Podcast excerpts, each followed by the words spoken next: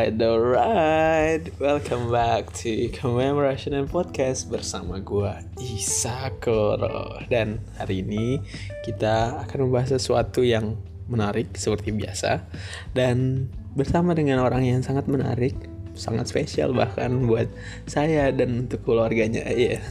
Ya, tapi sebelum gua kenalin, gua mau apa namanya? Seperti biasa, kita doa dulu yuk.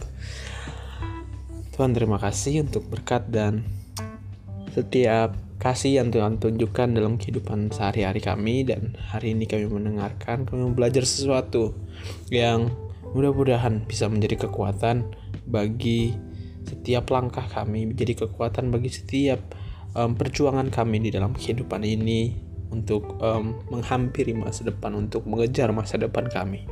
Terima kasih ya Tuhan dalam nama Yesus kami berdoa. Amin jangan ketawa kedengeran. Udah pakai mic nih.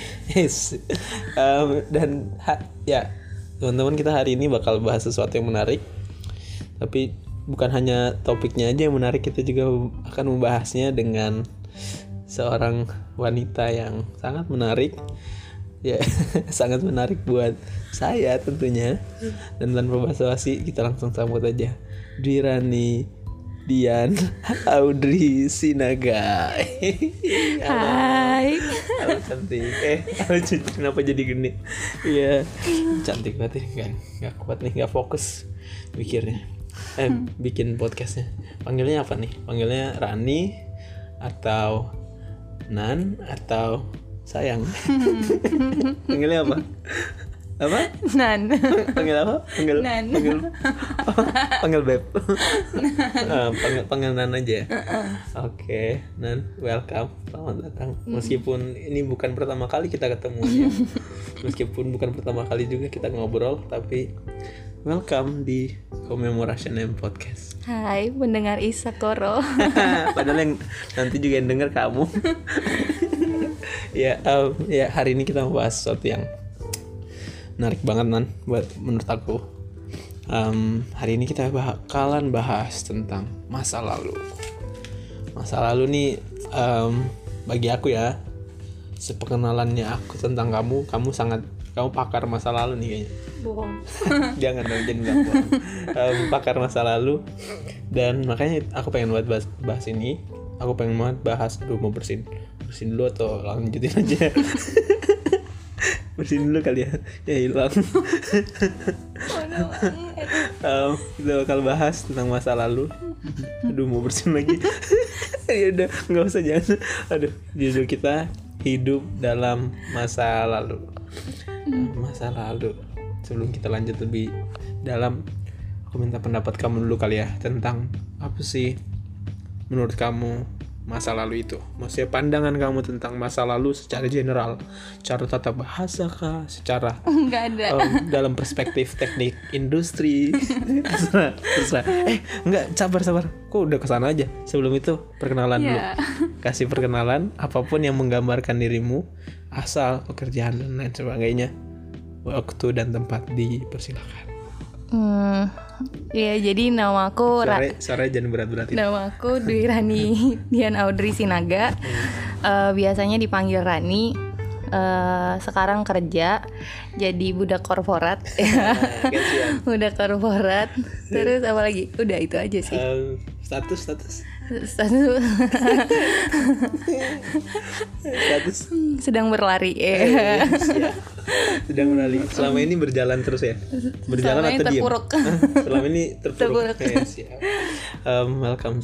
Welcome. Udah pengen ngomong sayang. Welcome Nan di podcast ini sekali lagi. Dan langsung deh pertanyaan yang pertama tadi tuh. Apa Masa yang muncul di pikiran kamu setiap kali mendengar kata masa lalu waktu dan tempat dipersilakan. Asik. Suara kedengaran kan Eh, apa ya? Kayaknya kalau misalnya ngomongin masa lalu kayaknya nggak ada arti yang terlalu terlalu berat. Nggak ada arti yang terlalu dalam. Ya masa lalu adalah segala sesuatu yang terjadi eh, dalam kurun waktu yang sudah la- lampau. Jadi segala sesuatu yang terjadi sebelum saat ini sebelum situasi saat ini. Misalnya eh, kemarin udah termasuk masa lalu ya misalnya nggak usah kemarin nih misalnya Iya. aku nih ngomong sekarang eh yang tadi masa, masa lalu, lalu. ya udah masa lalu lagi Ten tadi. udah udah Eh, udah-udahmu juga ada masa lalu tuh. oh iya. Ya intinya gitu deh segala sesuatu yang terjadi dalam kurun waktu lampau jadi ya Iya. entah itu senang entah itu sedih itu udah konteksnya udah beda Iya, oke. Itu berarti di dalam masa lalu juga ter maksudnya meskipun terpecah tuh masa lalu yang baik, yang buruk dan segala macam, semuanya tetap masa lalu Masa ya. lalu, Ya, itu bener sih. Apa? Kamu ngapain? Andai kan mereka melihat apa gerakmu ya. oke, siap. Bener banget dan salah satu alasan kenapa aku juga pengen bahas ini karena bagiku semua orang pasti punya masa lalu. Semua orang ya, semua orang bahkan orang-orang yang kita anggap em, semua orang dari yang paling kita rasa kita pandang sebelah mata sampai orang yang kita idola idolakan mereka semua punya masa lalu. Dan bukan hanya punya menurut aku ya menurut aku. Dan kenapa aku pengen bahas? Karena menurutku masa lalu punya dampak yang sebesar itu dalam kehidupan kita. Jadi mereka nggak hanya hadir fakta bahwa masa lalu itu ada nggak cuma begitu doang adanya tapi juga keberadaan masa lalu membentuk atau menciptakan atau membuat seseorang menjadi dirinya yang sekarang kayak masa lalu membuat seseorang jadi misal Rani jadi Rani yang sekarang. Nah, makanya ma- saat kita bahas masa lalu kita perlu sadari bahwa hidup kita nggak hanya terdiri dari masa sekarang tapi juga terdiri dari masa lalu dan masa yang akan datang masa depan. Dan ini perlu banget sih kenapa kita bahas masa lalu karena hanya orang-orang yang bisa melihat masa lalunya dengan tepat yang bisa menghidupi masa sekarang dan mengarahkan dirinya kepada masa depan yang ya nggak bisa bilang cerah sih karena pasti ba- banyak masalah. Tapi mengarahkan dirinya kepada masa depan yang sesuai masa depan yang mereka inginkan masa depan yang lebih baik dan lain sebagainya. Dan terkait dengan masa lalu nan aku mau tanya. Sebelum kita masuk yang lebih da- yang dalam-dalam atau yang sulit-sulit aku mau tanya dan minta kamu ceritain supaya aku nggak banyak ngomong sendiri tentang pengalaman masa lalu kamu yang menurut kamu membentuk kamu? Jadi ini nggak nggak usah ngomongin masa lalu yang berat dulu ya bukan yang penga- pengalaman yang berat atau yang sakit atau yang sedih atau segala macam. Masa lalu itu deh kayak misalnya di masa kecil kamu hal apa yang ada di keluarga yang diaj- yang terbiasa kamu lakukan di keluarga yang membuat kamu jadi orang yang kamu sekarang? Silakan Nan. Iya dulu jadi kan eh, aku termasuk anak baik-baik ya. Hmm, jadi gimana, Kan? anak Iya, baik-baik iya. nih. iya iya benar jadi bukan termasuk memang eh, di keluarga jarang banget kena jarang banget lah dimarahin sama mami papi.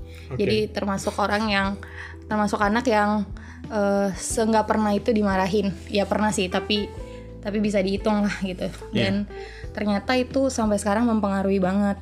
Jadi kalau sekarang nggak bisa dimarahin nih. Kalau Oke. misalnya ada yang marah atau ada yang bikin eh ya sakit hati. Sebenarnya bukan sakit hati sih tapi kayak lebih eh, tersinggung kali ya. Iya. bikin tersinggung terus jadinya hati aku sensitif banget. Jadi kayak cengeng terus mudah banget nangis kayak gitu. Iya. Jadi nggak boleh dimarahin sak Kalau itu bener banget sih teman-teman. Kalian kalau buat teman-teman yang kenal Ishak, yang tahu Ishak pasti tahu lah apa temperamen dan emosinya Ishak. Makanya pertama kali bareng Rani tuh, aduh, bingung banget. Baru ngomong dikit, eh mukanya udah sedih. Ngerasa bersalah terus ya gitulah karena teman-teman. Oh iya bener banget tuh. Iya makanya, oh iya, bener-bener. ngomong apa sih? ngomong apa sih? Iya bener bener banget makanya yang kamu ceritain emang segitunya sih kamu. Kamu seenggak bisa dimarahin itu menurut aku juga. Nah kalau tadi kan kita bahas yang kecil yang sederhana yang membentuk habit atau kebiasaan kamu. Sekarang coba dong, aku mau tahu masa lalu kamu yang yang bisa kamu ceritain di sini aja ya. Masa lalu kamu yang menurut kamu cukup besar yang entah yang sedih banget atau yang seneng banget yang membuat kamu jadi kayak kamu sekarang. Kalau tadi kan nggak ada hubungannya sama emosi. Nah kalau ini yang ada hubungannya emo- emosi, pengalaman terburuk apakah atau pengalaman tersenang apakah yang membuat kamu jadi kamu yang sekarang? Ayo silakan. yes. Eh, apa ya banyak sih sebenarnya Nah, iya, yang beberapa yang aja besar lah. juga Ya paling tujuh lah. jangan kebanyakan ya enggak. Kok kamu seenaknya? Ini podcast aku loh. Udah, Harus udah. denger. jadi eh, yang terakhir aja kali ya Apa tuh? yang terakhir jadi eh, tiga setengah tahun yang lalu Hmm. aku diputusin nih Eh, siap. ceritanya diputusin pacar Kasihan. dan jadi Isak nih enggak deh enggak jadi jadi bahasa aku. Iya diputusin pacar tiga setengah tahun yang lalu dan eh, kejadian itu sebenarnya eh, ada dua sih awalnya di di masa-masa awal kejadian itu itu eh, kasih dampak yang sangat negatif tapi seiring berjalannya waktu ternyata eh, dampaknya jadinya positif jadi setelah akhirnya merespon dengan baik terhadap kejadian itu jadinya positif dampaknya Oke. Iya gitu apalagi nih Coba ceritanya dong. Cerita lengkapnya. Enggak iya. ya, jangan, Pak. Ya, enggak, enggak usah lengkap. Hmm, eh, jadi ceritanya dulu itu waktu aku kuliah eh, Iya. Sebelum masuk kuliah itu kenalan sama satu cowok dan akhirnya memutuskan untuk Nah, jadi ini harus kuat nih dengarnya nih Sa. Aduh, kok kamu kenain mic-nya? Sorry. jadi eh, kenal sama satu cowok dan eh, pada saat aku kenal dia ini itu di masa di mana aku bertobat jadi, Oke. jadi dulu itu eh, aku cewek yang gampang banget ganti-ganti cowok gitu deh. Badai nggak banget lah ya. nggak nggak nggak segitunya Ah, sih. tetap mantan kamu lebih banyak. Ngebahas jangan dong, kan aku nggak bahas aku nih, tolong. jadi ya udah kayak gitu. Bertobat dan akhirnya memutuskan untuk kayak ya udah deh mau jadi cewek yang setia dulu gitu.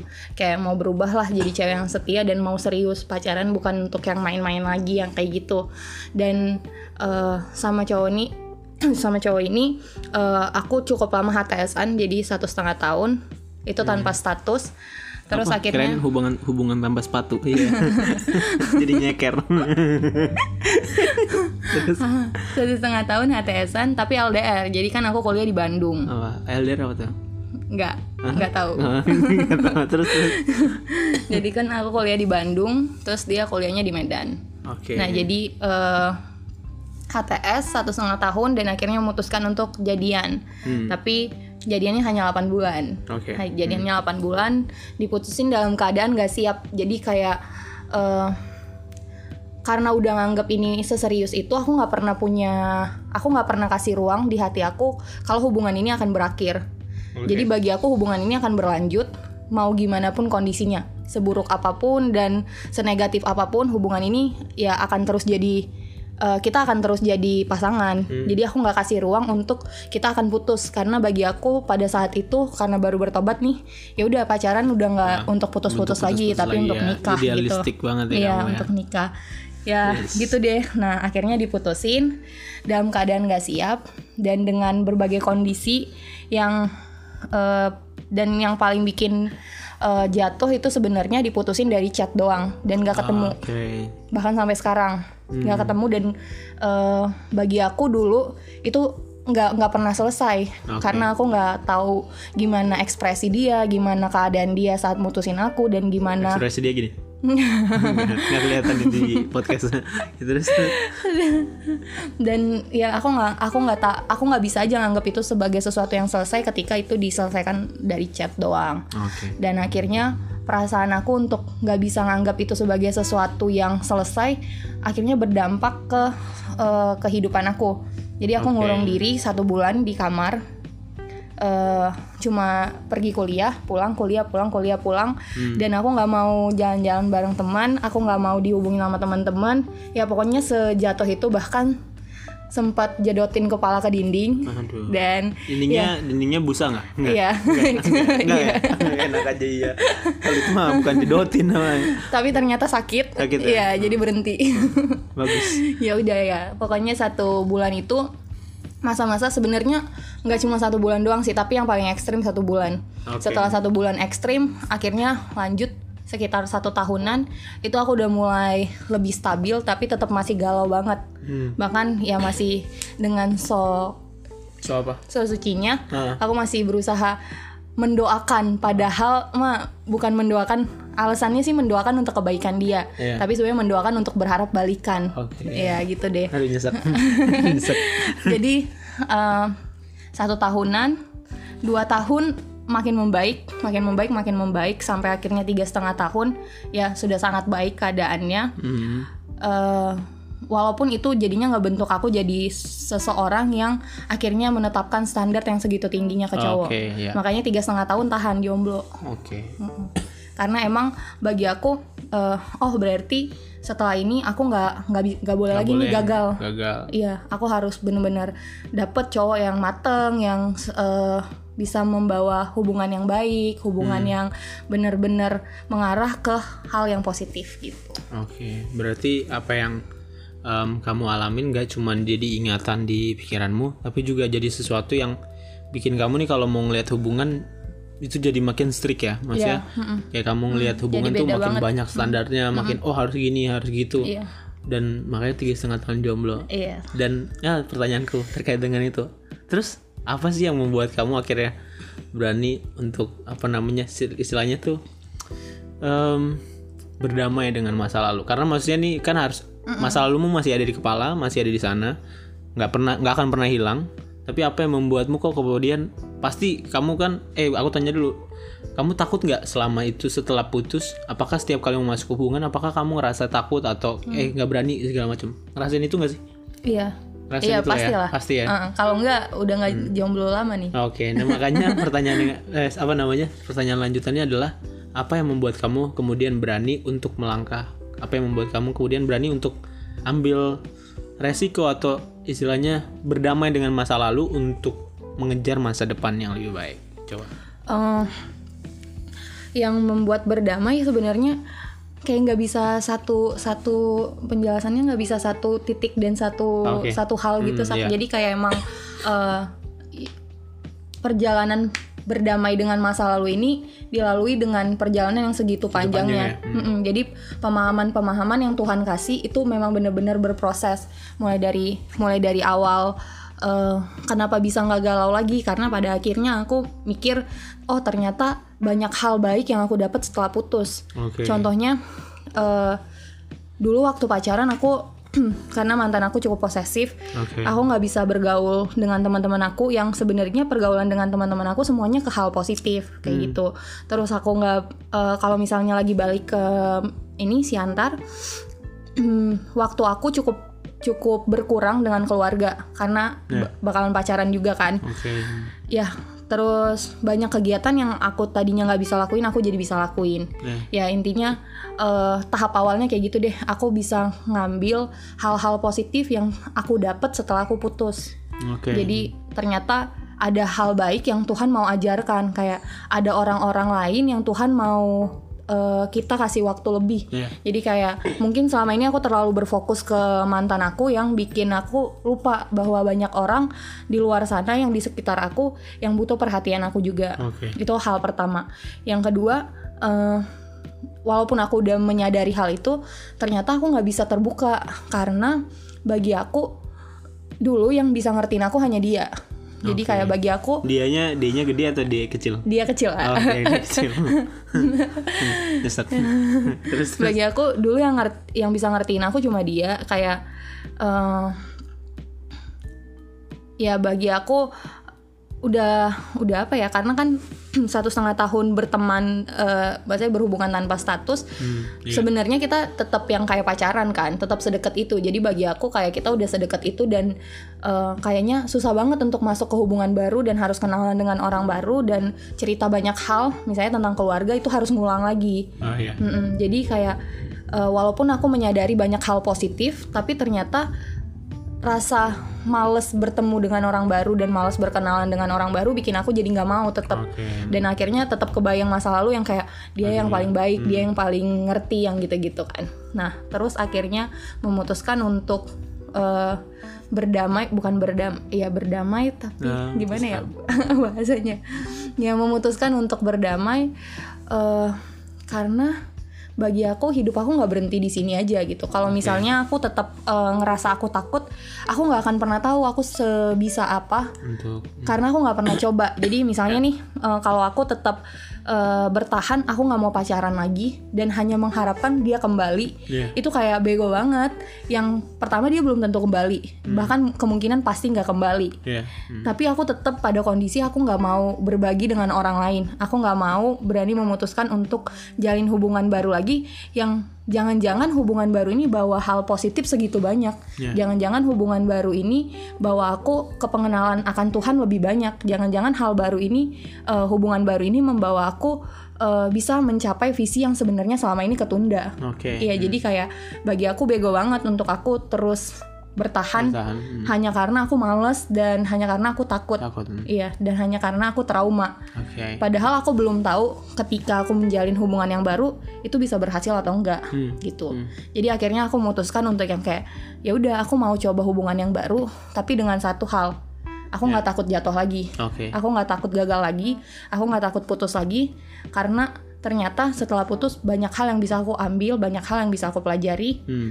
Ketika aku bisa meresponinya dengan benar Hmm. gitu. Meskipun harus harus ngelewatin sakitnya, ngelewatin Iya. galaunya, Mm-mm. ngelewatin jedotin kepala ke temboknya, ya, segala, segala macam ya. Hmm.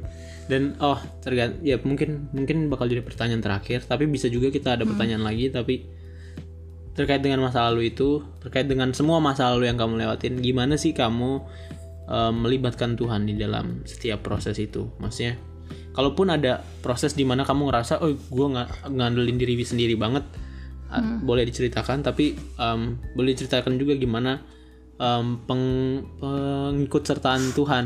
Keikut sertaan Tuhan membantu kita bisa keluar dari masa lalu yang kelam secara khusus. Silakan. Eh silakan. Silakan Nan. Eh, ini lagi-lagi bertahap. Jadi Ah, kayak emang iya. dari awal eh, ini panjang proses Iya. semuanya proses ya nggak Iya masalah panjang banget. Bahkan untuk melibatkan Tuhan pun itu proses banget. Karena Hmm. satu bulan pertama di mana aku ngurung diri itu aku bener-bener yang ngerasa aku nggak benci Tuhan. Iya Tapi bagi aku ngebawa itu ke Tuhan bukan sesuatu hal yang penting. oke Kayak ya udah aku nangis, aku galau sendiri, aku sedih sendiri, aku jalan ini sendiri gitu. Sampai ada satu hari di mana aku bener-bener segalau itu, itu yang aku jedotin kepala ke Hmm, ini ke tembok. dinding, mm, ke tembok. Dan di situ aku bener-bener aku nggak tahu aku ngelakuin apa, tapi aku bener-bener bersujud dan aku nyerah kayak Hmm. aku nyerah karena bagi aku ternyata hal ini aku nggak bisa tanggung sendiri Iya. ternyata seberapa kuat pun dan seberapa berusahanya aku untuk lepas dari sini enggak aku nggak bisa Oke. aku nggak bisa sendiri akhirnya aku bener-bener angkat tangan kayak Tuhan aku nyerah gitu Iya. aku nyerah aku nggak tahu nih besok aku nggak galau lagi atau aku besok kayak gimana Hmm, tapi yang pasti aku mau jalannya bareng Tuhan gitu. Oke. Aku mau jalaninya eh, nggak sendiri lagi. Iya. dan setelah hari itu besoknya aku masih galau. Hmm, masih tapi masih galau ya? Mm-mm, masih galau tapi udah mulai mau ketemu teman. Oke. udah mulai bisa senyum yang kayak gitu. Jadi kayak karena eh, setelah hari itu aku ngerasa aku nggak sendiri lagi jalaninya Oke. aku ngerasa kayak ya aku masih punya Tuhan lah kayak gitu. Dan akhirnya eh, walaupun eh, pada saat itu aku nggak jadi sebelumnya aku eh, gabung ke ya salah sa- ada komunitas lah gitu Hmm. walaupun aku nggak nggak langsung aktif lagi bergabung Iya. tapi Ini komunitas kampus atau gereja? awalnya kampus kan Kampus ya? Mm-mm, awalnya kampus dan aku udah nggak gabung lagi eh, udah jarang banget gabung karena eh, nggak enak segan dan Iya. merasa lagi hancur banget jadinya nggak gabung Eh, tapi aku merasa aku nggak sendiri Oke. aku nggak merasa nggak nggak merasa sendiri sampai akhirnya eh, satu tahun berlalu akhirnya aku masuk komunitas gereja Oke. Mm, ya satu setengah tahun berlalu lah aku masuk komunitas gereja eh, dan di sana aku ngerasa jadi kayak aku nggak aku nggak selalu ngerasa bahwa penyertaan Tuhan langsung Oke. bagi aku penyertaan Penyertaan Tuhan itu eh, justru lebih kerasa melalui orang-orang yang ada di sekitar Oh, aku Oke, iya iya. jadi benar. kayak bagi aku semua orang yang ada di sekitar aku mulai dari aku putus sampai sekarang mereka adalah orang perpanjangan tangan Hmm. Tangan Tuhan. Tuhan, ya. Iya, jadi kayak emang segitunya mereka bener-bener yang eh, aku eh, aku termasuk orang yang kalau misalnya untuk hal ini cerita masa lalu ini aku nggak akan cerita kalau nggak ditanya Oke. Hmm. Karena males banget. Nah, nah jadi tapi beruntung nih teman-teman yang dengar kan gak nanya nih tapi bisa dengar ceritanya. cerita. Eh, beruntung banget ya. tapi bagi aku eh, eh tapi pada saat itu teman-teman komunitas justru berusaha untuk nanya aku tentang Nanya. hal itu dan Oke. akhirnya cerita dapat masukan banyak yang kayak bagi orang-orang mungkin eh, masukan orang masukan teman-teman aku mungkin kayak terlihat duniawi ya kayak maksudnya Oke. kayak itu kan Ya. orang yang ada di dunia kan kayak nggak terlihat penyertaan. Tuhan tapi bagi aku itu adalah penyertaan Tuhan Oke. bagi aku semua hal yang mereka eh, kasih ke aku semua nasihat yang mereka kasih ke aku Hmm. adalah eh, apa yang Tuhan mau sampaikan. Iya. Karena bagi aku mereka adalah orang-orang yang tepat untuk aku berbagi dan orang-orang yang tepat yang Tuhan tempatkan Iya. yang bisa akhirnya bikin aku ngerasa kayak oh iya ya kayak gini, oh iya ya kayak gini dan akhirnya eh, cerita aku ternyata bisa memberkati mereka juga. Iya. Ternyata bisa memberkati orang-orang yang putus dan galau. Hmm. Terus akhirnya eh, mereka ngerasa ternyata mereka nggak sendiri dan Ya. ternyata mirip pengalamannya yang kayak gitu gitulah. Ya intinya dari perjalanan panjang ini aku nggak selalu ngerasa Tuhan kerjanya langsung, Oke. tapi aku ter- Nggak- selalu nggak- dan nggak- melulu tentang sesuatu yang rohani, Iya. sesuatu yang spiritual yang kayak tiba-tiba dengar suara Tuhan yang, kayak nggak gitu. masuk akal kayak misalnya eh, tiba-tiba ada yang ngambil kegalauan kamu bangun pagi-pagi udah hilang Iya, gitu ya nggak, iya. atau tiba-tiba dia balik ti- tiba-tiba dia ada di Bandung Iya, nggak kayak gitu. Kayak Walaupun gitu aku sempat membayangkan hal itu yang kayak, Oke. oh ketika aku doa ke Tuhan, kayaknya tiba-tiba aku dihubungin, aku Iya. tiba-tiba di chat kayak dia minta maaf yang kayak Iya. gitu. Bayanginnya kayak gitu, tapi ternyata setelah sampai di sini nih di titik Iya. ini aku menyadari ternyata penyertaan Tuhan selalu dan senantiasa ada, walaupun itu nggak nggak kelihatan Hmm. Nggak hal yang eh, segitunya, Segi- se- nggak semenakjub- iya, menakjubkan itu, itu, iya. tapi tetap ada dan ternyata membawa aku kepada satu pemahaman yang benar dan eh, membawa aku kepada satu pengenalan akan Tuhan yang benar gitu Hmm, oke. dan kayak puji Tuhan selama proses ini aku bener-bener nggak pernah benci Tuhan dan pernah Hmm. nggak pernah bilang yang kayak Tuhan kenapa sih ini terjadi gitu Tuhan kenapa aku harus ngerasain ini kayak Iya. gitu dan pada akhirnya di titik di mana aku menyadari itu aku bisa bilang Tuhan aku mau nggak mau mau nggak move on sampai 10 tahun Iya. mau terpuruk sampai 15 tahun aku nggak apa-apa Iya. yang penting aku berjalan bersama Tuhan gitu Oke. jadi kayak mau selama itu dong, pun ya jangan Jangan. enggak kan Iya, puji Tuhan terus Iya maksudnya kayak ini bukan masalah waktu, ini bukan masalah seberapa lama aku terpuruk di masa lalu, tapi eh, ini tentang gimana Tuhan tetap ada dan tetap menyertai aku Hmm. selama proses ini dan Iya. aku bener-bener nggak pernah ngerasa ditinggalin oke gitu. Ih, seru banget nih Eh. walaupun aku udah tahu ceritanya ternyata banyak hal yang sekali lagi bisa jadi pelajaran buat aku juga Ya, kita udah lumayan lama nih kayaknya ini bakal jadi podcast terpanjang Enggak. Iya, podcast terpanjang di tempatku. Iya bener kan? Podcast terpanjang di tempatku. Ini 27 menit, tapi aku nggak apa-apa karena Mo- mohon maaf nih teman-teman yang lain yang dipotong di menit ke 25. Oh enggak, kemarin kok nganu 29, sih. 29, Iya. iya. Dan ya sebelum kita tutup kali ya, aku mau kamu kasih em, kata-kata penutup buat orang-orang yang mungkin ngalamin hal yang sama. Buat mereka nih yang sekarang nih dengerin podcast ini dengan harapan setelah dengerin mereka dapat jawaban dari Tuhan dan kembalikan balikan sama mantan. Atau mereka ini yang dengerin podcast em, kita yang ti- tiba-tiba ngarap ih dapat pacar kayak Rani atau dan lain sebagainya. Jadi kayak Rani. Ya boleh kamu kasih gambaran tentang gimana sih harusnya kita melihat masa lalu menanggapi masa lalu dan berjalan ke arah masa depan gitu yang lebih baik gitu silakan saya silakan An. Ya, jadi teman-teman eh, percayalah bahwa hidup kita nggak mudah. Ya. Ada ada segitu banyaknya beban yang dari masa lalu yang emang eh, dikasih ke kita dan kita harus eh, apa sih? Harus menanggung semua beban itu. Ya. Tapi eh, satu hal yang kita harus tetap yakini, satu hal yang harus tetap kita percaya bahwa selama proses kehidupan kita ini Tuhan nggak pernah ninggalin. Tuhan nggak pernah jauh, Tuhan nggak pernah biarin kita jalani sendiri. Sekarang tergantung kita mau jalan bareng atau mau jalan sendiri, Iya. gitu.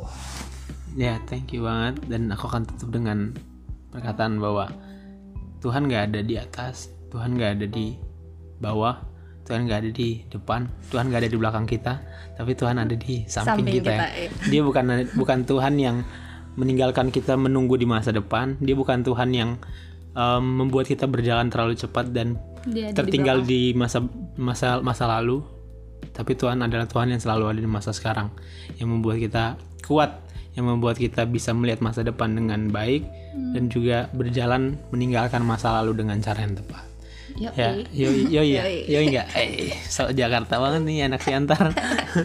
Oke teman-teman thank you banget udah dengerin podcast ini dari awal sampai habis. Ya, mudah-mudahan. Dan ya sampai kita ket- sampai ketemu lagi di em, ya, jangan fisik. Sampai ketemu lagi di komemorasi dan podcast um, yang akan datang. Dan ya yeah, God bless guys. Love you. Love you too. guys bukan kamu. Ya udah dadah guys